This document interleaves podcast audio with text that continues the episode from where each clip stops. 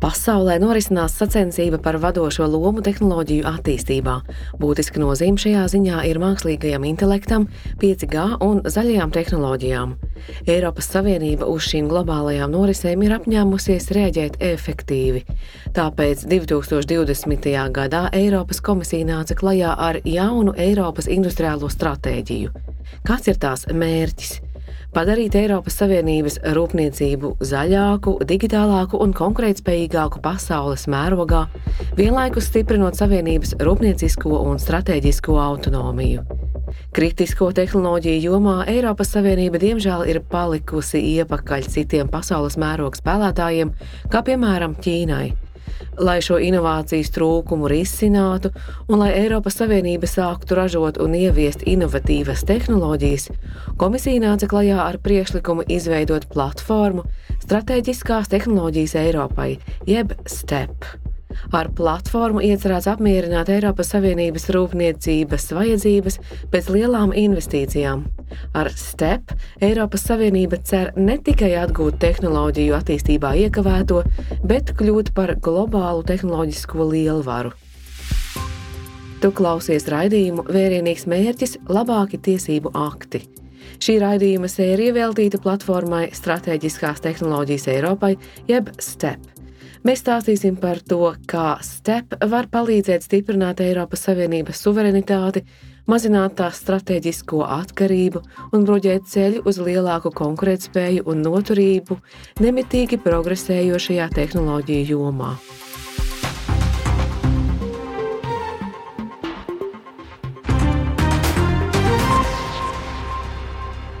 Valstis visā pasaulē ar dažādiem pasākumiem atbalsta savas rūpnieciskās nozares, lai palīdzētu tām sasniegt neto nulles emisijas un izstrādāt arvien avansētākas digitālās tehnoloģijas. Piemēram, 2023. gadā Kanāda ieviesa plānu Ražots Kanādā, kas ir instrumentu kopums, kurš veicina investīcijas zaļajā ekonomikā. Ķīna sevi pozicionējusi kā lielvaru gan ekonomikas, gan tehnoloģiju jomā. Tā ir ieviesusi rūpniecības plānu 2025. gadam ražots Ķīnā, kura mērķis ir uzlabot valsts konkurētspēju, nostiprinot savu pozīciju globālajā ražošanā, izstrādājot jaunas tehnoloģijas un samazinot atkarību no ārvalstu piegādātājiem. Savukārt Eiropas Savienības platforma Stratēģiskās tehnoloģijas Eiropai novirzīs finansējumu projektiem, kas atbalsta dziļo un digitālo tehnoloģiju izstrādi un ražošanu.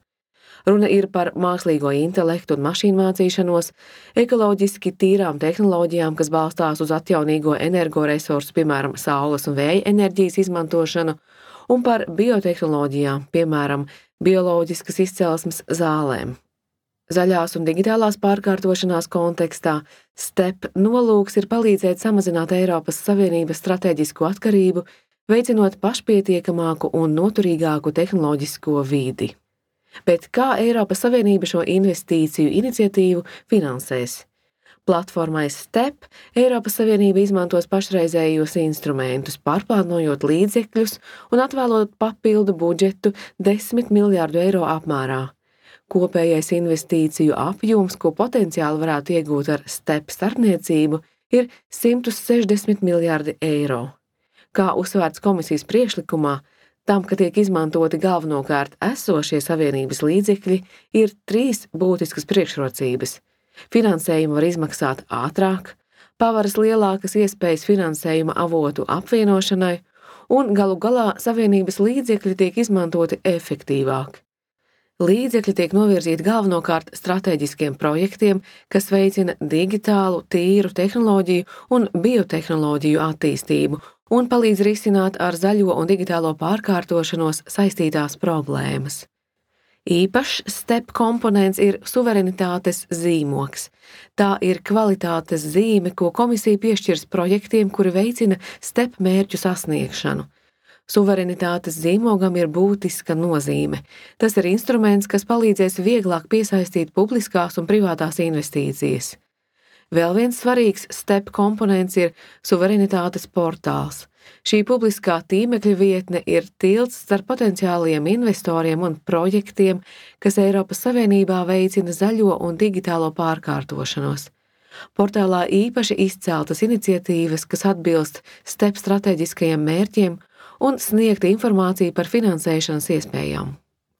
Izvērtēt komisijas priekšlikumu par STEP izveidi bija uzticēts divām Eiropas parlamenta komitejām - budžeta komitejai un Rūpniecības, pētniecības un enerģētikas komitejai. Komiteju sagatavoto ziņojumu parlaments pieņēma 2023. gada oktobra otrajā plenārsesijā. Šajā ziņojumā parlaments pauda vilšanos par to, ka komisija nav izpildījusi savā 2023. gada darba programmā ietverto apņemšanos pielikt pūliņus, lai izveidotu jaunu Eiropas suverenitātes fondu. Tomēr parlaments atzina, ka, lai gan platformas step darbības joma ir ierobežota, platforma varētu palīdzēt ātrāk gūt rezultātus, jo balstās uz jau esošajām programmām. Parlaments uzskata, ka nākamajā budžeta periodā platforma STEP būtu jāuztver kā izmēģinājums visaptverošam suverenitātes fondam. Noslēgumā jāsaka, ka STEP ir kas vairāk par finansēšanas mehānismu. Tas ir struktūrāls risinājums Eiropas Savienības rūpniecības vajadzībām pēc lielām investīcijām. Pēc komisijas domām, kopējai Savienības rūpniecības politikai ir nepieciešams kopējs Savienības finansējums. STEP ir solis tuvāk inovatīvākai, ilgspējīgākai un pašpietiekamākai Eiropas Savienībai. Ar skatu nākotnē jāteic, ka STEP veido pamatu plašākai plānotajai iniciatīvai Eiropas suverenitātes fondam. Šī Eiropas komisijas ierosinātā fonda izveide palīdzēs vēl vairāk stiprināt Eiropas Savienības rūpniecības spējas un piesaistīt privātās investīcijas.